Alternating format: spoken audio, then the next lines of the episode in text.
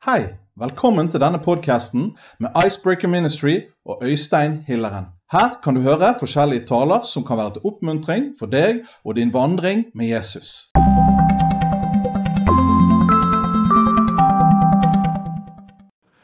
Kjekt å se dere alle sammen. Noen eh, ukjente òg, som jeg ikke kjenner fra før. Eh, noen fra USA òg. Yeah, we love the Americans. Yeah. Så uh, mitt navn det er Øystein Hilleren. Uh, jeg er eh, driver Voss bønnehus. Eh, ja. Har fått lov å tale her noen ganger i det siste, så det er jeg veldig glad for. Så jeg har én kone, og heldigvis bare én. Mm. Og uh, fire gutter, som dere så her, så vi har det travelt. Det, det la dere kanskje merke til. Men uh, veldig gode gutter. Eh, ja Jeg vet ikke om jeg skal si så mye mer. Gud er god. Gud han har gode planer for 2020. Eh, så Jeg tror vi skal begynne med å be, og så, så ser vi litt hvor dette lander i dag. Jeg har, jeg har, planlagt, eller jeg har mange ting, men jeg kommer ikke til å rekke å si alt. Så vi får se hva det blir til. Men Jesus, vi takker deg, Herre, for at du er her, Gud. Takk for at vi merker det her. Jeg merker det, Herre, at du, ja, du er her i Nine i dag, Herre. Du er her med din fred og din glede og med fellesskap, Herre, og vennskap, Gud. Takk for dette nye året, Herre. Takk for 2020, Herre. Takk for at du har eh, spesielle planer for dette året for hver enkelt av oss, Herre. Takk for at vi kan få ta steg, Herre, inn i det du har for oss dette året, Gud. Takk for at vi skal få ta nye steg inn i det eh, Kanskje noe inn i det som er litt eh, utfordrende, Herre. Det som er litt skummelt. Eller ta et steg inn i tro, Herre, for det du har for oss dette året, Herre. Så jeg vil velsigne hver enkelt som er her, Herre. Eh, dette året spesielt Herre. At det skal bli et år der de skal få se klarere Jesus, hvem du er, Herre. Og at vi, Herre, jeg, Herre, skal få se det, Herre. Mer av hvem du er, Jesus. Og Herre, jeg ber om at vi skal ha blikket festet på deg, Jesus. Ha. Troens opphavsmann og fullender, Herre. At vi ikke skal ha vårt blikk eh, liksom på alle mulige ting, Herre, men på deg, Herre. I Jesu navn. Så ber jeg for det jeg skal si, og det vi skal lese, Herre, at det skal nå hjertene våre, Herre. Amen. Um, jeg tenkte på at vi skulle begynne med en uh, liten vits i dag. er dere klar for det? det er godt å begynne å le litt av og til. Men uh, det er en vits her som er sånn følger. Presten sier det er ikke kommet et eneste menneske i kirken i dag. Ikke engang organisten. Og Så spør han ja, hvem var det som spilte, da? Og så svarer klokkeren Brann mot Lillestrøm.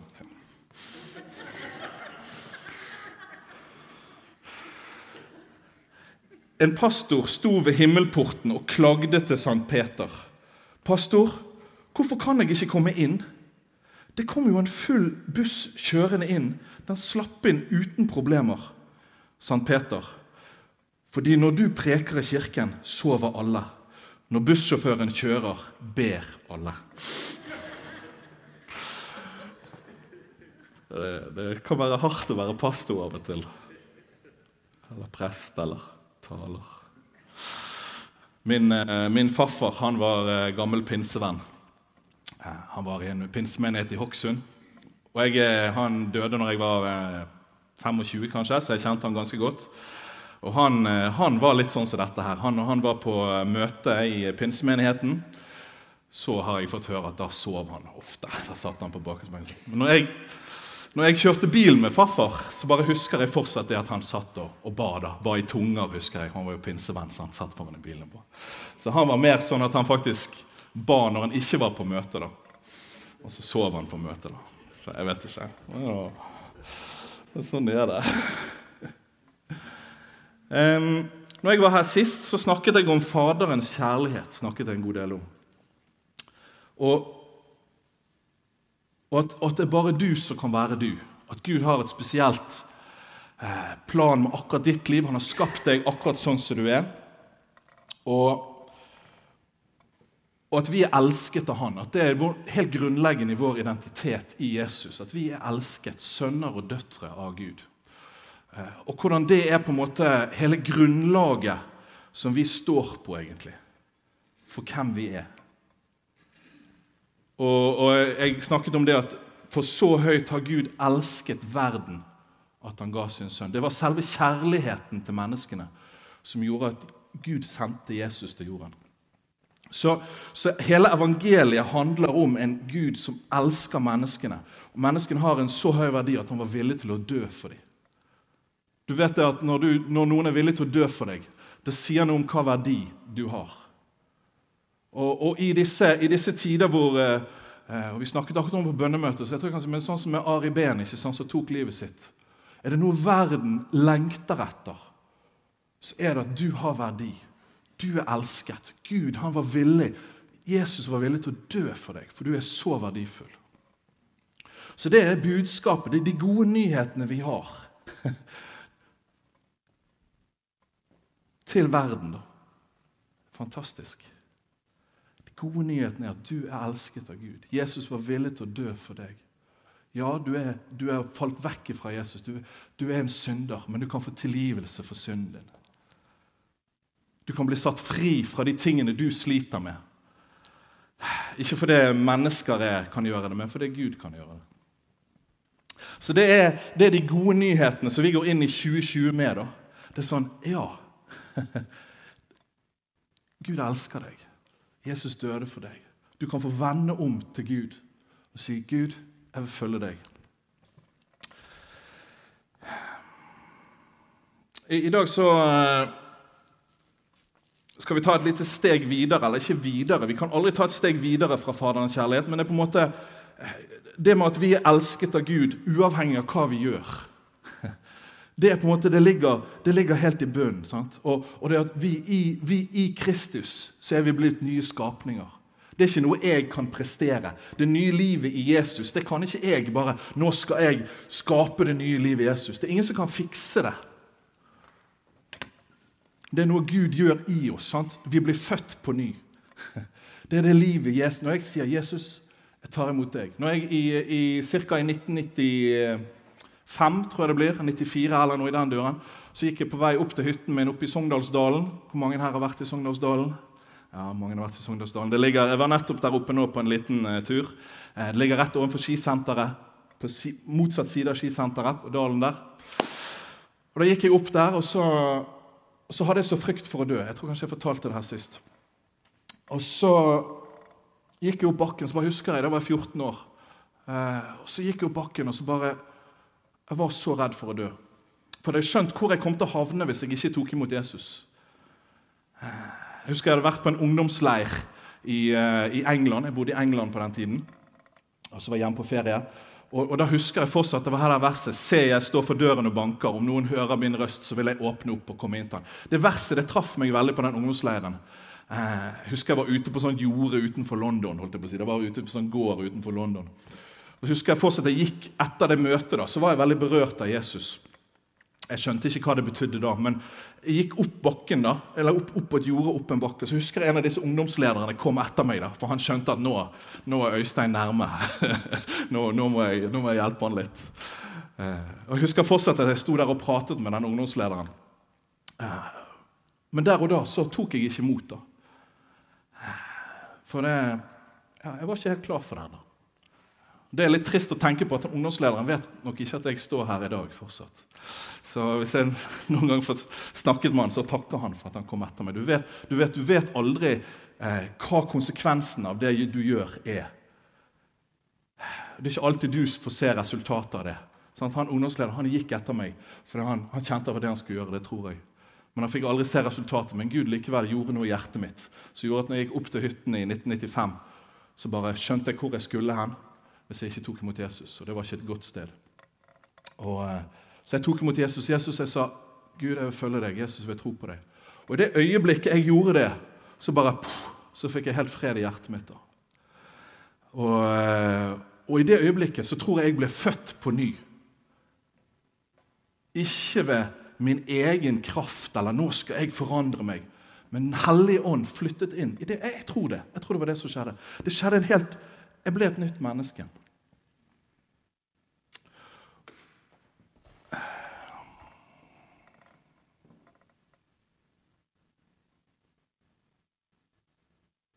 Vi kan eh, slå opp i biblene våre hvis vi har det med, på mobil eller på ja, på hva som helst, hva du pleier å lese Bibelen i. det er eh, Matteus 14.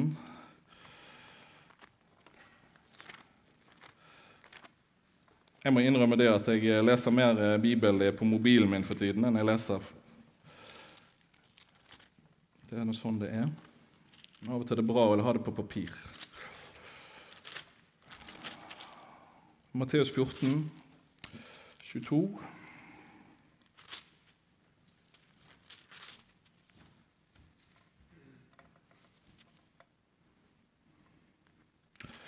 Eh, det, det, som jeg har fått på hjertet i dag, da, eller som jeg liksom har kjent på i dag I dag, dag skal vi ha snakke litt om dette. Det er en sånn eh, gammel søndagsskolefortelling som alle kan i salen her. Det er jeg ganske sikker på. Eh, det er når eh, Jesus kommer gående på vannet. Eh, Peter han går ut av han. Men vi skal liksom prøve prøve at, vi skal prøve å be om at Gud skal gi oss litt nye øyne. Du vet, når du, når du har lest noe mange ganger, så kjenner du det så godt at man blir litt sånn blind for det. Det er sånn, ja, ja, Jesus gikk på vannet og kom gående der, og de trodde det var et spøkelse. Og Peter han bare gikk ut på vannet, og ja, ja, det var noe helt liksom Vi er så vant til å høre det. Men, men Jesus, vi ber om at vi skal få litt nye øyne på dette her i dag. 1422 til 32. Straks etter fikk han disiplene til å gå i båten og dra i forveien over til den andre siden, mens han selv sendte folk av sted. Da han hadde gjort det, gikk han opp i fjellet for å være for seg selv og be. Da kvelden kom, var han der aleine. Båten var allerede langt fra land, og den kjempet seg fram i bølgene, for det var motvind. Men i den fjerde nattevakt kom han til dem, gående på sjøen. Da disiplene fikk se han der han gikk på vannet, ble de skrekkslagne. Det er et gjenferd, sa de, og skrek av angst. Men i det samme talte Jesus til dem. Vær ved godt mot. Det er jeg. Vær ikke redde. Ikke fantastisk? Åh, Nå fikk jeg en liten åpenbaring bare her. Men Noen ganger så kan en situasjon være så vanskelig. Og så Gud, hva er det som skjer? Hva er det som skjer? Kanskje vi av og til bare trenger å stoppe opp og så høre Jesus, er dette deg? Så kanskje Jesus kommer og sier, vær ikke redde. Da sa Peter til ham, 'Herre, er det deg, som sier at jeg skal komme til deg på vannet.' 'Kom', sa Jesus. Peter steg ut av båten og gikk på vannet bort til Jesus. Men da han så hvor hardt det blåste, ble han redd. Han begynte å synke og ropte, 'Herre, berg meg!' Straks rakte Jesus hånden ut og grep fatt i han og sa, 'Du lite troende, hvorfor tvilte du?' Så steg de opp i båten, og vinden stilnet. Men de som var i båten, tilba ham og sa, 'Du er i sannhet Guds sønn'. Liten eh, faktaopplysning om Genesaretsjøen. Genesaretsjøen er altså den største ferskvannsinnsjøen i Israel. Den, en utrolig kul ting med Genesaretsjøen den er faktisk formet som et hjerte. Altså et, et, et menneskelig hjerte. ikke det litt fascinerende? Der hvor Jesus gikk rundt, det var faktisk et hjerte. Og Den er ca. 166 kvadratmeter, kilometer, kvadratkilometer. Og eh, ja, den blir opptil 43 meter. Vangsvatnet, Er det noen som vet hvor stor Vangsvatnet er? Kvadratkilometer? Ingen vossinger som vet hvor stor Vangsvatnet er kvadratkilometer. Nei. Den er altså syv kvadratkilometer. Det er ikke så veldig stort. Og eh, Mjøsa den er 365. Så det er noe med dette Genesaretsjøen og Jesus og båter. Har dere merket det? Jesus han er stadig ute i en eller annen båt. Det er, han er liksom, det er noe av greien. Han, han, reiser med båt, han kaster garnet, får de til å kaste garnet ut på andre siden. Peter han tok på seg kappen når han så Jesus, og hoppet i vannet og løp til Jesus. Eh, Jesus går på vannet. Jesus kommer til dem på vannet, og Peter går ut på vannet. Det er flere historier. Jesus stiller stormen når han ligger og sover i båten. Så Jesus og båter, det er en eller annen greie med det. Jeg har ikke den store åpenbaringen på hvorfor, men jeg, jeg kaster det ut der. Og båter, det var også Peters yrkesvei. Og Johannes og Jakob, tror jeg òg. Og flere, flere av disiplene var fiskere. Så når, når, når Jesus sier til Peter 'Peter, kom ut av båten', så, så er det ikke bare, Båten er ikke bare en båt. Sånn som for meg når jeg er ute på Vangsvatn eller når jeg er med mine svigerforeldre ute i båten, så er båten liksom bare en, en, det er båt. og eh, Det er noe, noe du fraktes litt med på vannet. Men for Peter så var det livet hans. Det var hele arbeidslivet hans. Det var mye av hans, eh, det han kunne, det han var flink på. Båten, det var hans trygghet. Det var der han tjente pengene sine. Og ikke bare for han, men faktisk for en god del av de andre disiplene. Så når, når, eh, når Peter han blir, liksom, når Jesus sier 'Peter, slipp det trygge'. Slipp arbeidsformen din, der du har din tillit, din identitet. Så, så sier egentlig Jesus mye mer enn han ville sagt hvis jeg hadde sittet i den båten som Peter.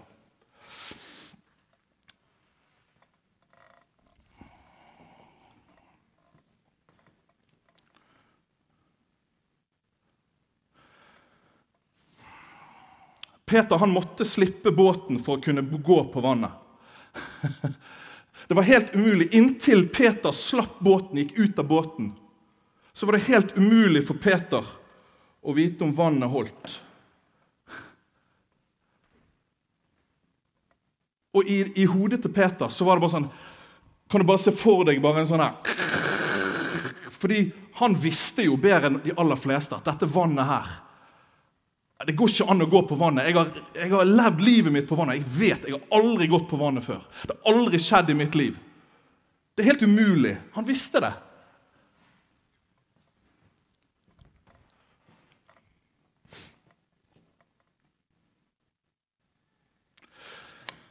Du vet det å gå på vannet.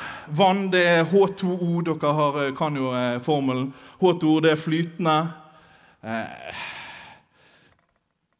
eneste som jeg har sett som liksom kjører oppå vannet, det er sånne snøskutere. Altså båter selvfølgelig, men jeg har sett sånne snøskutere i veldig stor fart. Så går det faktisk an at de kjører over vannet. Jeg vet ikke om dere har sett det. Jeg ser det en gang i Kautokeino. Men i det naturlige for et menneske så er det helt umulig å gå på vannet. Så vidt jeg vet, i hvert fall. Det strider med fornuften, hodene, og det strider mot naturens lover.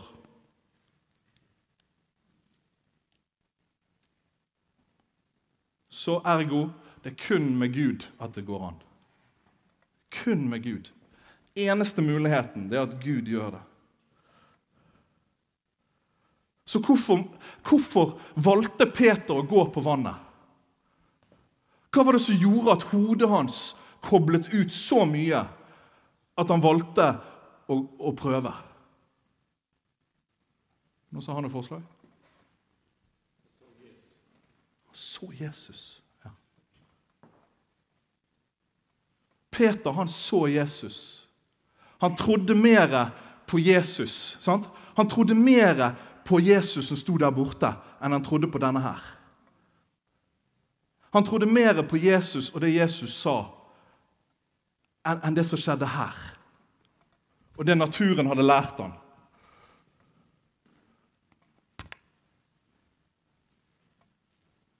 Hva perspektiv er det vi har i vår hverdag? Hvordan er, det, hvordan er det vi lever? Hvordan skal vi leve i 2020? Er vi mest opptatt av det som er smart, naturlig, fornuftig? Eller er vi mer opptatt av Jesus og det han sier?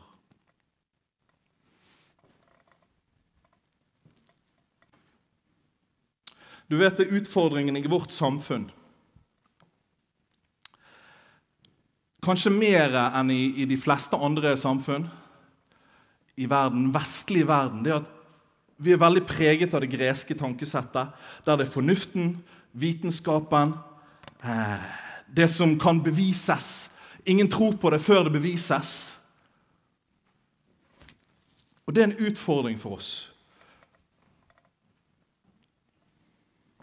Fordi det som er litt skremmende, det er ikke bibelsk å begynne der.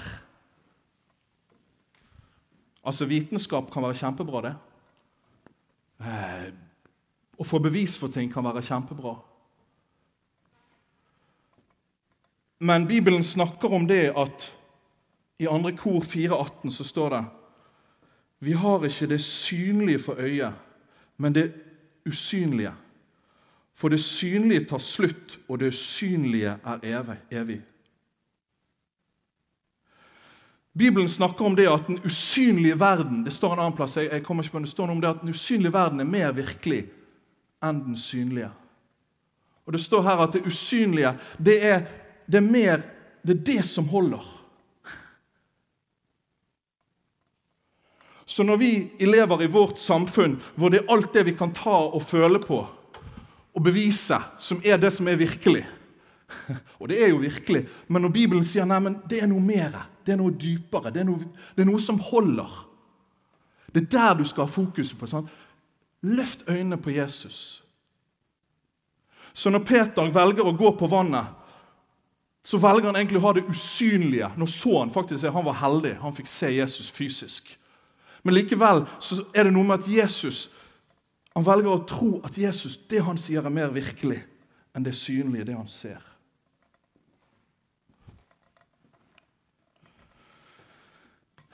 Jesus. Du vet, vi elsker å ha kontroll. Vi er kontrollfriker i vårt samfunn. Oh, jeg er litt skarp i dag, merker jeg. Beklager. Jeg er av og til litt skarp, så dere får bare ha nåde med meg. Men vi er litt kontrollfriker. Jeg er i hvert fall det.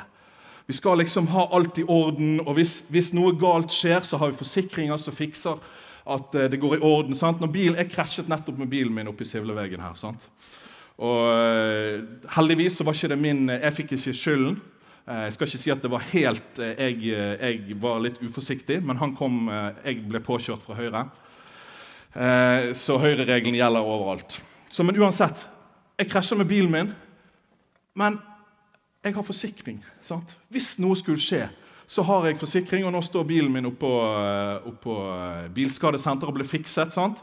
Og jeg slipper å betale noen ting. Blir vi syk, har vi sykehus. Kjører vi bil, har vi sikkerhetssele. Brenner huset vårt ned, har vi forsikringer. Mister jeg jobben, tar Nav seg av meg. Og disse tingene er jo en velsignelse. sant? Det er goder, det er gode ting i samfunnet vårt. Eh, men det har på en måte en, en, utfordring med seg, en bakside. Du vet i Afrika, Hvis du ikke har mat i Afrika, da har du bare én ting å gjøre. Da må du rope på Gud. Er du syk i en del, eh, en del plasser i verden, eneste du kan gjøre, det er å be Gud, du må helbrede meg, ellers dør jeg. I Norge så har vi det privilegiumet og den utfordringen at vi trenger ikke Gud på mange måter. I hvert fall tror vi det ikke. Vi, trenger det, men vi tror ikke vi trenger det. Og Derfor så blir vi sjelden utfordret til å gå på vannet, sånn som Peter ble. Bokstavelig talt. Sånn, som med bilen min. Hvis, hvis, jeg ikke hadde hatt forsikring på bilen min, så hadde jeg ikke hatt penger til å fikse den. Da måtte jeg Gud, du må gi meg penger til å fikse bilen min. Jeg velger å stole på deg. Men siden jeg har forsikring, så er det bare sånn Ja, ja, forsikringen fikser det. Det går fint. Det er litt irriterende på en måte. Samtidig så er det, det er en velsignelse. Så en grunnleggende ting for det å lære å gå på vannet. For vi trenger alle å kunne gå på vannet. Gå på vannet for meg det er å gjøre noe som er umulig, noe som er skummelt. Stole på det Jesus sier. Jeg har sånn Akkurat nå med økonomien til meg og Sigrid så har jeg sånn I det naturlige så går det ikke. Vi har tatt noen valg som gjør at i det naturlige jeg, jeg, bare, jeg, jeg, liker å lage budsjett og regnskap og sånne ting. Jeg liker det. Men det funker ikke for meg akkurat nå. For hvis jeg ser på budsjettet funker ikke. Det, det går ikke. jeg vet ikke om det går ennå. Men der har jeg valgt ok, fordi og Det er en grunn for det. Det er ikke bare fordi at det, liksom, er det en god idé eller å prøve noen ting. Men en grunnleggende ting for det, det er å høre hva Gud sier. å kjenne Guds hjerte. Det står det i Bibelen at 'mine får høre min røst'. Gud han er en god far, sånn som vi snakket om. Han vil hjelpe oss når ting er umulig. Han vil gi bekreftelse når vi trenger det. I 2020, hvis du er usikker på noen valg du skal ta, eller lurer på om noe du skal gjøre, om du skal ta et steg ut i noe det Gud har kalt deg til Jeg har en kamerat, Det var interessant at uh, Anders snakket om misjonsprosjektet i dag. For det, det ene prosjektet i Senegal uh, En god venn av meg han uh, er med i det prosjektet sammen med familien sin. Og, og Han er bare sånn forbilde for meg. For han, har, han, bare, han, og kona har kjent på det å reise ut som misjonærer veldig lenge. Og, og jeg har sagt til dem flere ganger at oh, jeg er så glad for at dere gjør det dere lengter etter å gjøre. Det er så mange på min alder og yngre som liksom, å, jeg drømmer om å bli misjonær. Og, og Gud kaller meg til Vietnam eller Gud kaller meg til Afrika. Og så blir det ingenting av det. De tar aldri det steget ut på vannet og sjekker om det holder. Men han, eh, kamerat Arne Kristoffer, han som driver en av de som er med i Senegal jeg, bare, å, jeg er så stolt av det. Så jeg sier at, det er så bra at dere bare gjør det. Nå, de skal snart ha sin unge nummer fire. Sånn at Unger mellom seks, sånn som med vår familie, mellom sju og to år. eller noe sånt. Så velger de, på tross av det naturlige, på tross av at det ikke er så veldig fornuftig å reise til Senegal og liksom leve der og ikke ha liksom skikkelig ja, Alt er annerledes der. Men fordi at de har hørt at Gud har talt. De har hørt Jesus. De har kjent i hjertet sitt Ja. Du vet, Når Jesus han talte, så sa han, 'Peter, kom ut til meg.' Eller noe sånt sier han. Jeg skal lese akkurat hva han sier for noe. Skal vi se. Ja, Det er faktisk Peter som sier det først. 'Herre, er det deg?' Sant? Når vi hører Jesus, når vi opplever oss kalt til noe, eller Gud, vi opplever at Gud liksom sier oss noe, det kan vi oppleve på forskjellige måter så kan vi si, 'Jesus, hvis det er deg, så er jeg villig til å gå.' Og så sier Jesus, 'Kom'. Og min, min Jeg bare så for meg det når jeg var på hytten. Når, når, Jesus sier det ordet 'kom', da, så går på en måte ordet 'kom' det går inn i hodet til Peter, eller inn i ørene. Og så Det står det i Bibelen at eh, Guds ord kløyver tankebygninger. Eller det brytende tankebygninger. Det kløyver mag og bein. Så det ordet det på en måte kløyvet gjennom hodet til Peter. Alle tankebygninger. Det er umulig å gå på vannet. Naturlig, umulig. Uh, dette kan aldri skje. Og så bare kløyvet de tankebygningen, så gikk de rett ned i hjertet på Peter. Så kjente han i sitt hjerte ja, det er Jesus. Ja, dette er det Gud sier. Jeg vet det er umulig, men det går an likevel. Og så velger han å gå, gå ut på vannet.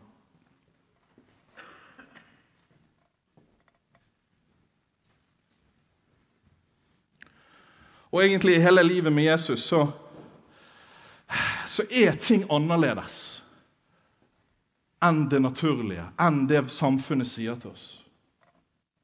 Det er derfor det er så utrolig viktig å høre hva Gud sier, og så la det gå ned i hjertet. Og så kan Guds ord etterpå forvandle tanker og sinn til å bli lik. Det står noe om det at vi blir lik Jesus gjennom hans ord forvandler våre tanker. Men det må ned i hjertet først. Hvis du prøver å forstå Guds rike med hodet, så blir du, blir du gal. Det funker ikke.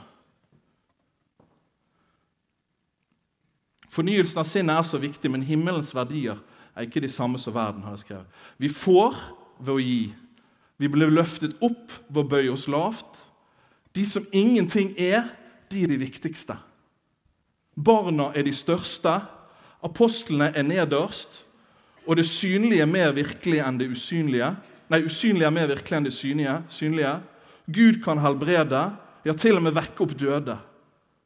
Du vet, Hele, hele Guds rike er motsatt. Sant? Er ikke det interessant at Peter ble valgt til å gå ut til jødene?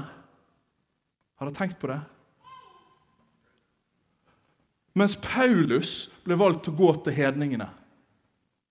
Altså, Hvis det hadde vært opp til meg, så er det jo helt idiotisk. Har du tenkt på det?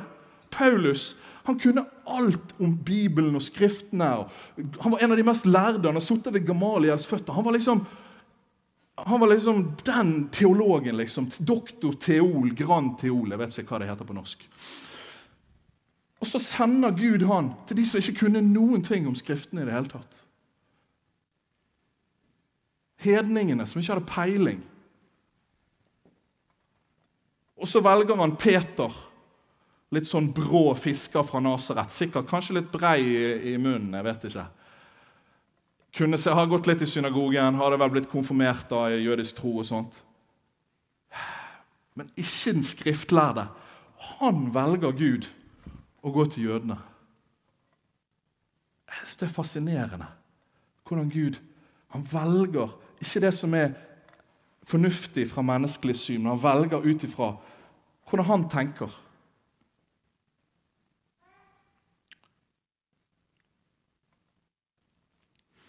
Så Jeg kan snart lande litt her. Hvordan i våre liv sant? Dette med å gå på vannet, det å tørre å ta en risk.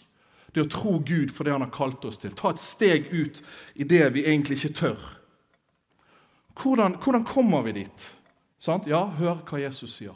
Fyll oss med det Jesus sier. Fyll oss med Guds ord. Fyll oss med tro på det han sier. Men vi trenger òg hverandre. Vi trenger også, det tenker jeg også, det kristne fellesskapet. Helt nøkkel for at vi skal kunne leve det livet. Og jeg tenker for 2020. Det er så viktig å ha folk rundt seg som bare 'Ja, Øystein, gå for det.' Altså, det er ikke naturlig, men hvis Gud sier det, hvis det er deg, Jesus, og du er sikker på at det er Jesus som sier 'Hvorfor det', eller 'Du er syk, ja'. Vet du hva? Jeg har hørt om noen som Gud helbredet. Du, vi ber for deg. Vi står sammen med deg i dette. Eh, vi vet det at i det naturlige så er kreft helt umulig å bli frisk fra denne type kreft. Men vi tror at Gud, Gud kan gjøre det. Vi vil stå sammen og tro Gud. Jeg har hatt flere sånne, liksom mange sånne vitnesbyrdene. har vært viktig for meg. Bare høre om det Gud gjør andre steder. Det står det i åpenbaringsboken. Vi trenger ikke slå opp der, men jeg eh, kan få referansen hvis dere, eh, sånn at dere vet at jeg ikke lyver for dere. Um, Skal vi se om jeg finner det her.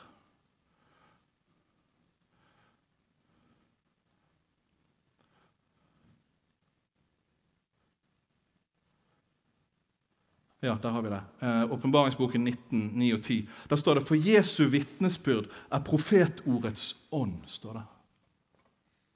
Altså Når vi hører noe som Jesus har gjort, så profeterer det.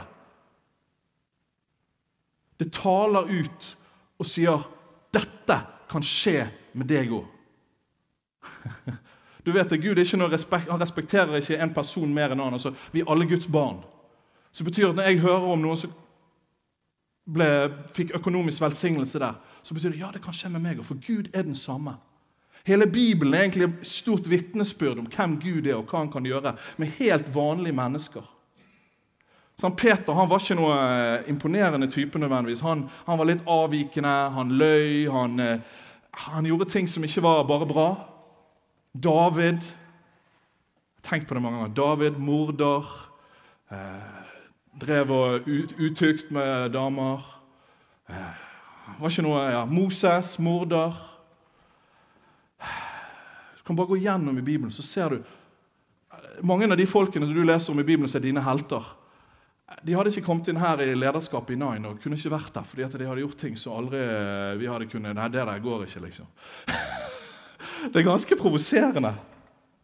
Men poenget med det Jeg tror grunnen til at det er sånn i Bibelen at Gud til deg at han kan bruke deg. Du, eller meg. Ikke fordi at du er så perfekt eller altså, Du er fantastisk i den du er, som Jesus sa, men du er ikke liksom, du er en helt vanlig person. Gud bruker vanlige mennesker. Og derfor så er det, Når vi leser om Peter, så var ikke Peter en mann liksom, Han er her, og jeg er her. Nei, Peter var en vanlig fyr. Dette var til og med før Den hellige ånd de hadde blitt fylt av Den hellige ånd. Peter turte å bare tro på det Gud hadde sagt. Så begynte han å gå. Så fant han ut at vannet holdt. Abraham Det er fascinerende når du begynner å se det fra den vinkelen. Abraham han løy om kona si, sa at nei, dette er søsteren min, og så ga han han til kongen til, eh, til, eh, som han var på besøk. Ja, du kan bare ha henne som kone. Jakob lurte faren sin og lot som han var Esau. Det er liksom ikke det er, det er, ikke mors beste barn vi leser om alt i Bibelen. Det er det her med disse øynene våre. Vi bare sånn, ja, fordi vi har lest om dem, så er de bare sånne helter. da. Ja, de er det. Det er vanlige folk. Men deres liv er vitnesbyrd. Så jeg tror ofte nå skal vi, jeg, har, jeg tror nesten det blir del to i dette. jeg vet ikke, vi får se, men, men for å kunne gå på vannet trenger troen å flytte fra hodet til hjertet. Ellers så går det ikke. Det står det i ordspråkene 3, 5-6. Sett din lit til Herren av hele ditt hjerte, og stol ikke på din forstand. Kjenn Han på alle dine veier. Sånn, 'Jesus, er det deg?' Dette er ikke logisk. Jeg forstår ikke dette. Det er sånn som for min del Gud, dette budsjettet her, det går ikke opp. Jeg forstår det ikke. Men er det deg, Jesus? Og hvis det er deg, Jesus, så er jeg villig til å gå. Jesus, når jeg er på butikken åh, Det her kjenner jeg ofte på. Ikke bare butikken, men rundt omkring. Og det er ofte jeg ikke tør. Åh, Gud, jeg kjenner for å snakke med den mannen om deg. Eller be for denne personen her. Åh, Gud, jeg har ikke lyst. I Norge er det, kommer folk til å bare se rart på meg. For vet, I Norge er det helt unormalt å snakke med fremmede. De tenker bare enten jeg er gal eller jeg er narkoman. eller et eller annet. Så, Gud, men jeg kjenner at du, du vil at jeg skal be for denne personen. Eller snakke med denne om deg. eller? Er det deg, Jesus? Og hvis det er deg, Jesus, så er jeg villig til å gå. Du vet det at Den hellige ånd På engelsk ordet for Den hellige ånd, en en av navnene på Den hellige ånd, det, det vet mine amerikanske venner, men det er The Comforter. Vi har ikke et sånn veldig godt norsk ord for det. Men The Comforter det betyr på en måte den som gjør det litt mer behagelig. Den som gjør det litt sånn eh, komfortabelt. Og hvorfor trenger vi at Den hellige ånd er vår comforter? Det er fordi livet med Jesus is not always comfortable. Det er ikke alltid komfortabelt å leve med Jesus. Det er ikke alltid veldig behagelig å gå på vannet. Du vet det at eh, Peter han måtte også, Alle de andre i båten visste jo også at det ikke gikk an å gå på vannet.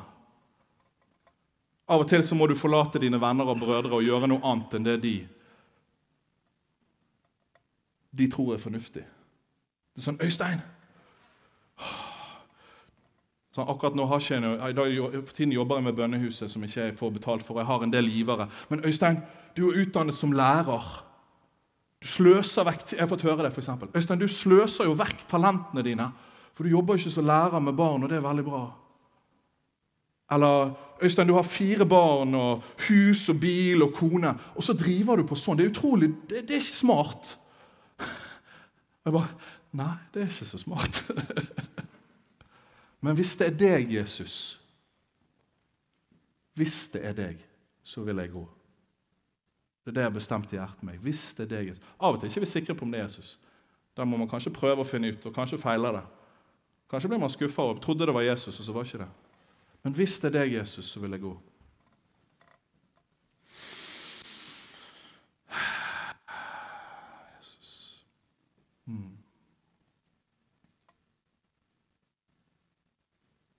Så vi trenger Den hellige ånd til å hjelpe oss. Og uten Gud så går ikke det livet der.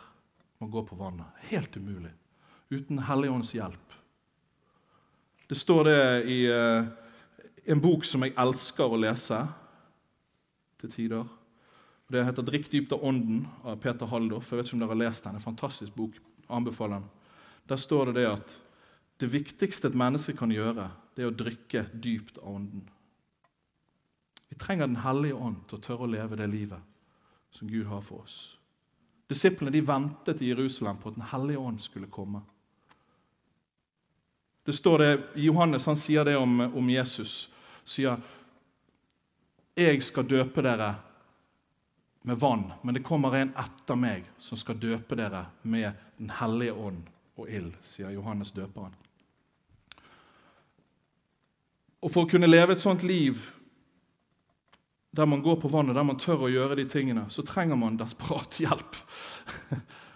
Og det å bli døpt i Den hellige ånd Ordet dåp Det er sånn at det er masse dåpsdiskusjoner i Norge.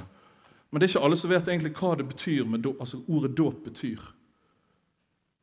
Men dåp det betyr å bli nedsenket, dyppet eller mettet med noe. Det er akkurat som en svamp som suger til seg når du legger i vann. Ordet på gresk heter er baptizo. På engelsk, jeg kan lese det på engelsk her til våre engelske venner. The word baptism is a translation of the Greek word baptizo, which means immerse. Det betyr å bli lagt ned i noe, bli på en måte dyppet ned. Basically, it's an immersion into another substance for the purpose of being saturated, altså bli gjennomsynket av det, such as water. The new covenant also pre pre present the immersion of a believer in the spirit of God. Så når vi trenger å bli fylt av Den hellige ånd for å tørre dette. Og å bli fylt av Ånden, døpt i Ånden, det betyr egentlig å bli dyppet ned. Og så bli gjennom. Den hellige ånd skal få lov å gjennom senke, på en måte marinere oss, eller sive inn da, i livet vårt. Det er en av de tingene jeg tenker også er sånn Jesus la 2020 være et år der jeg blir fylt av Den hellige ånd på nytt. Og la det gjennomsyre meg. Ikke la det bare være en sånn En del snakker ja, den dagen ble jeg fylt av Den hellige ånd. Eller når jeg ble døpt, fikk jeg Den hellige ånd. Men jeg trenger det hver dag i mitt liv. Og at det skal få gjennomsyre tanker, sinn, hjertet mitt. Ok. Jeg tror vi skal reise oss opp.